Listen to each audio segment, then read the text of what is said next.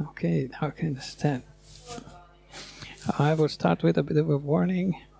I have a bit of sore, sore throat. So we'll see if it will be a, a bonus. Maybe I might need to be quiet for a while and save my voice.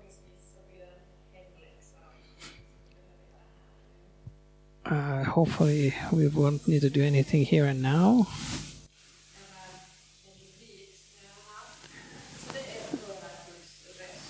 The the uh, to hear God's voice is is like the theme I've chosen. Uh, I chose rather instinctively this one from First Samuel three and one to ten. It says about Samuel, who was a boy, probably ten or eleven, how he heard God.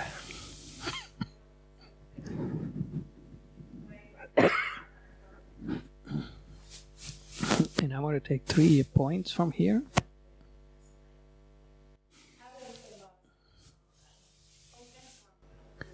Uh, the boy Samuel ministered before the Lord under Eli. In those days, the word of, of the Lord was rare. There were not many visions.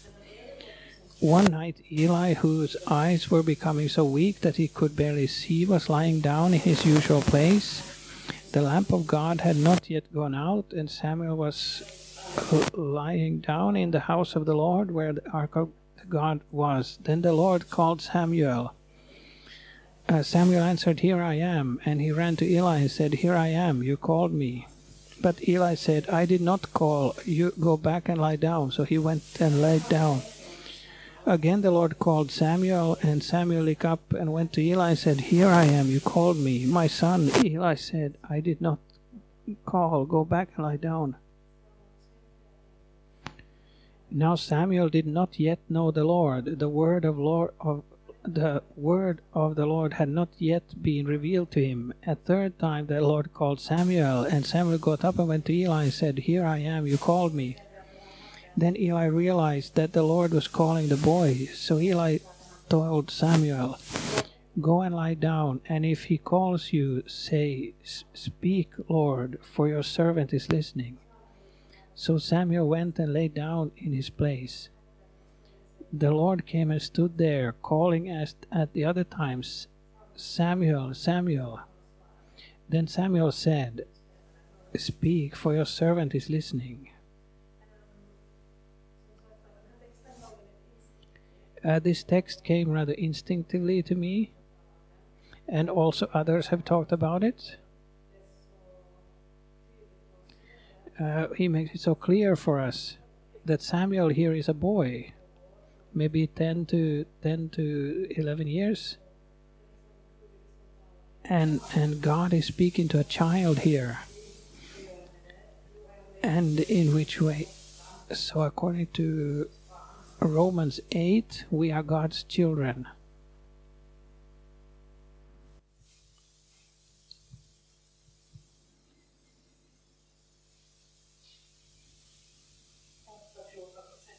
And so Romans 8 40 to 16.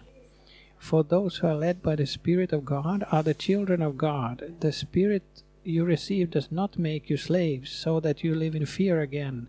Rather, the Spirit you received brought about your adoption to sonship. And by him we cry, Abba, Father. The Spirit Himself testifies with our spirit that we are God's children. So, this is the tone that God uses here in the Old Testament. So we can recognize it in, in the in the spiritual reality where we live. So we saw in the first verses that it was not common that God spoke in those times. But they did uh, service in the temple. And, and you can read in the first Samuel, the first chapter, that this uh, temple service was rather bad because of what people did there. And probably as a, as a consequence of that, it was not common that God spoke. But we live in the new covenant. And we have a much more open communication to God. And this is something I will return to again and again when I give an example. Uh, in Mark 15:38 it says about when Jesus died the curtain of the temple was torn in two from top to bottom in other words the part in the temple into which you could not go uh, other than every second year with with with a with with a rope. The high priest went there with a rope around his ankle, so that if something happened, he could be dragged out. So people could not go in there. This curtain about this of this cloth. It was outside and inside. So that was no more. It it was torn in two. Everything was new everything was new through Jesus' uh, uh, reconciliation. This means that we boldly can go come to God, not not because of what we've done, but because of what Jesus has done for us. It is also something that you can read in the Gospels that Jesus taught about, and Jesus wanted that that people would expect this of him. In John in John 10:27 uh, so there's uh, so John 10:27 Jesus says like this My sheep listen to my voice I know them and they follow me Here we see a bit so we can listen to God's voice and listen to Jesus' voice. So we are known by Jesus and we can follow him. So this about hearing God's voice is connected to action or to answer. And this we see also in Samuel's case.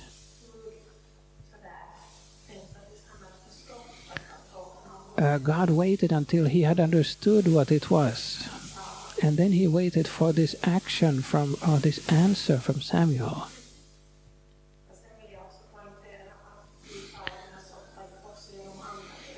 And then, and then also uh, God speaks to us many times through others. For example, in in in uh, prayer.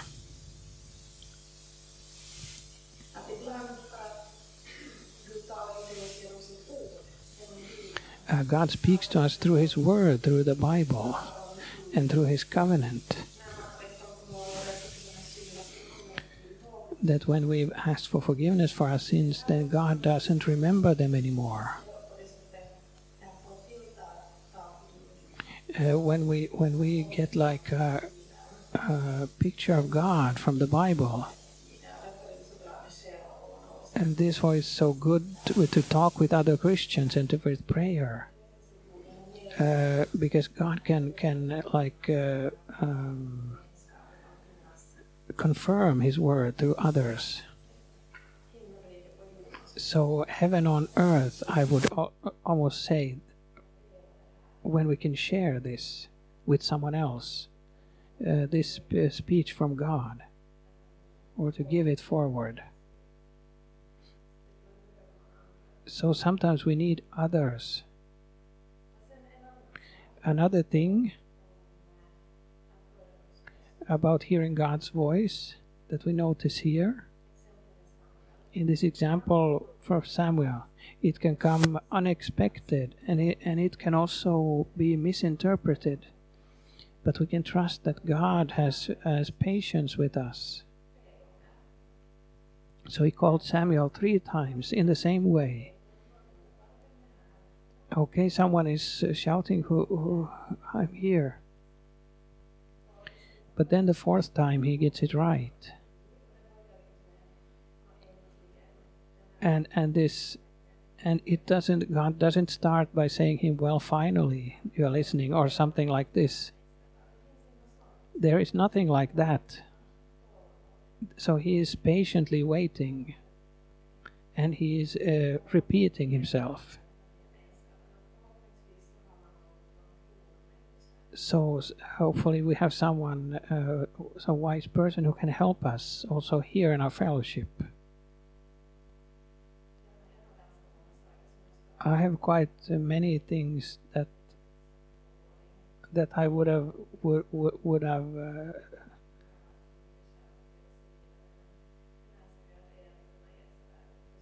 we saw here that Eli could give uh, good advice to Samuel. This is what we'll speak about next time. It's not uh, me, but the theme for the next time. So this comes after. That piece of the puzzle will come next time. The God can give a, a word, a dream, a vision, and sometimes also even with throughout through someone who we might not expect. And I have myself for like a half uh, life almost ago. I don't know if I otherwise would recommend it, but but what was good? We, we we became like taught that we should expect God to speak to us. It's sometimes difficult to receive something we are not expecting.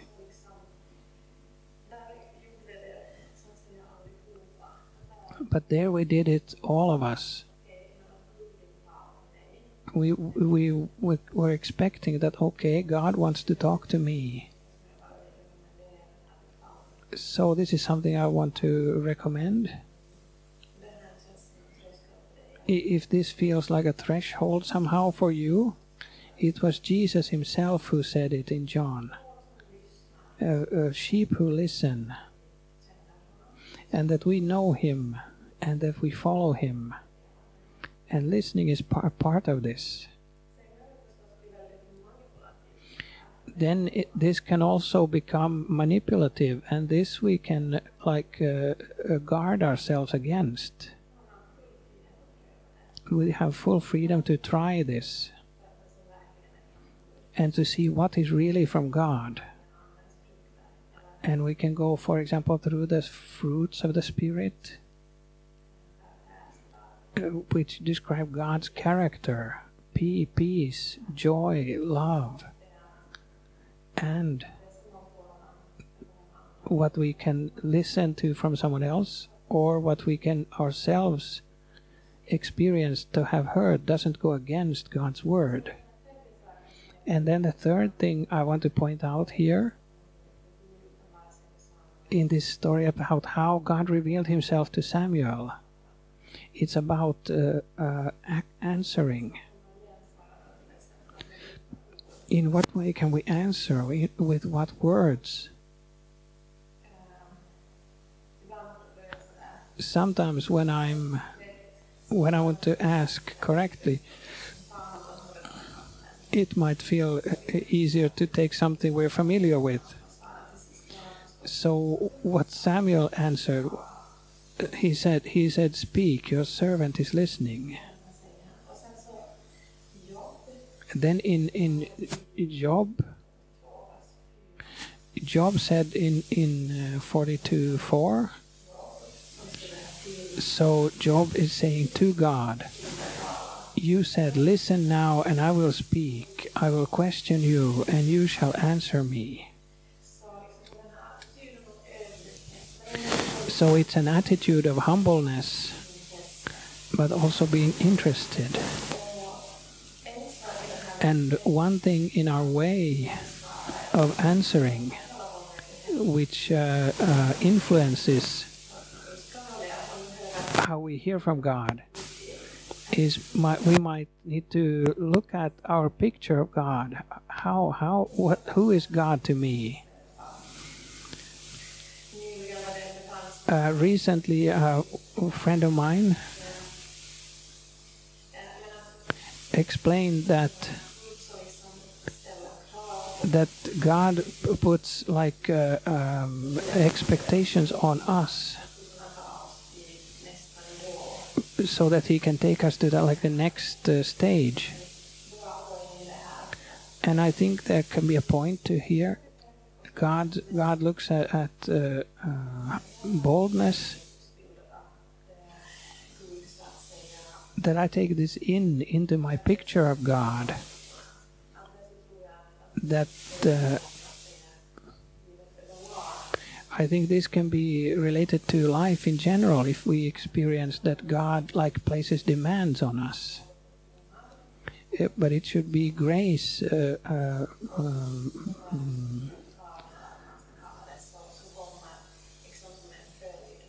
uh, these demands might come as a consequence of His grace for me. So, this I just want to say that we can think about.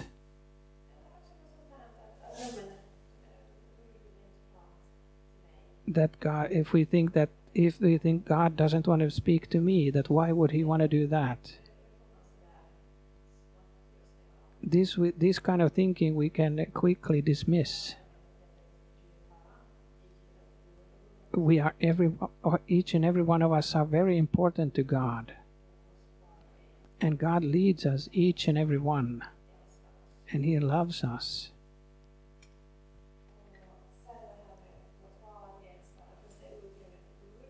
Uh, then then in our answering there is that place for God. We see that this is very clear with in the case of Samuel that first it's very short, then it's because it's about that Samuel want to answer. And then when he says, when he understands what it is, then he says, Here I am. At, at speak, your servant is listening. And then there were things God wanted to tell him. But the first step was to answer that yes, I want to listen. And then at the end, I have a few like uh, uh, words. Uh, I think we need to give something tangible in in this uh, context.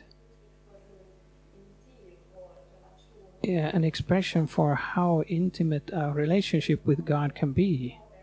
Remember that that God is not afraid of who we are or for what we've done. Uh, God, likes uh, us to be honest, and I want to point this out. And that God has a special uh, timing and wisdom.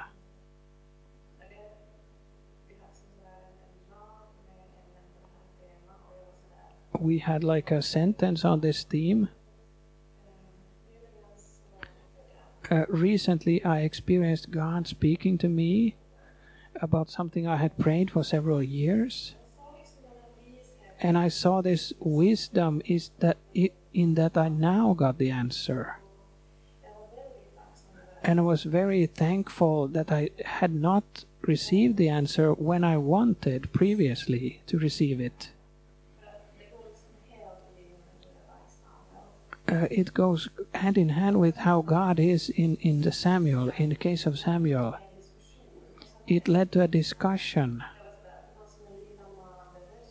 There was like a small voice within me, and and and who's, which said that, "Did you notice what happened?" What happened was that I could share how difficult it was, and a burden was lifted off me and I experienced this voice that is there anything else that would need to be lifted off? And then I said yes. And then I got this picture of healing. But I also experienced that if you say yes or you say no,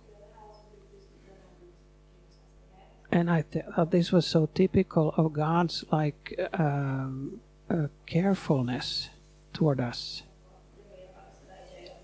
This I wanted to give you, and I, I, I hope that you received something from this.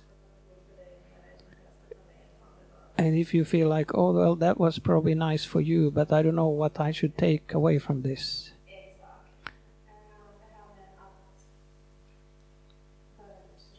This is about hearing God's voice.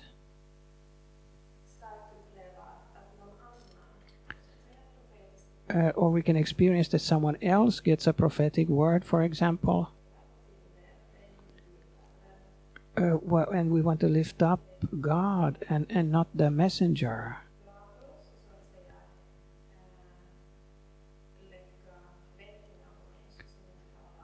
We, we should not put expectations on people who cannot handle it, perhaps, or, or to be ide- idolized or, or lifted up.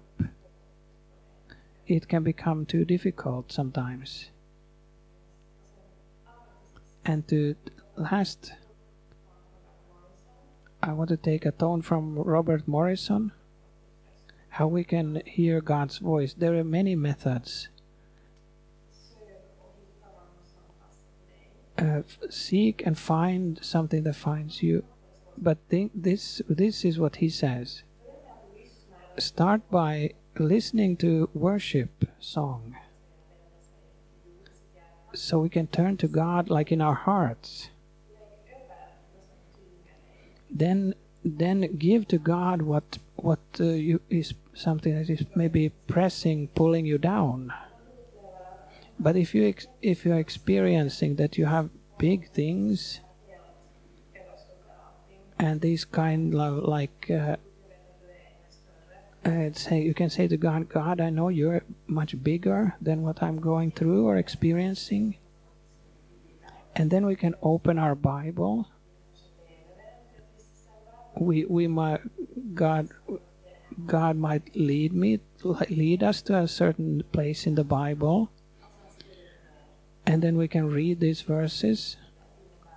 And then we can write it down. What do you think that these verses can mean for you personally in your life? And then afterwards, you can thank God. And in the same preaching that he shared this, he said that this with hearing God's voice is something we can grow in if we are willing to go in that direction.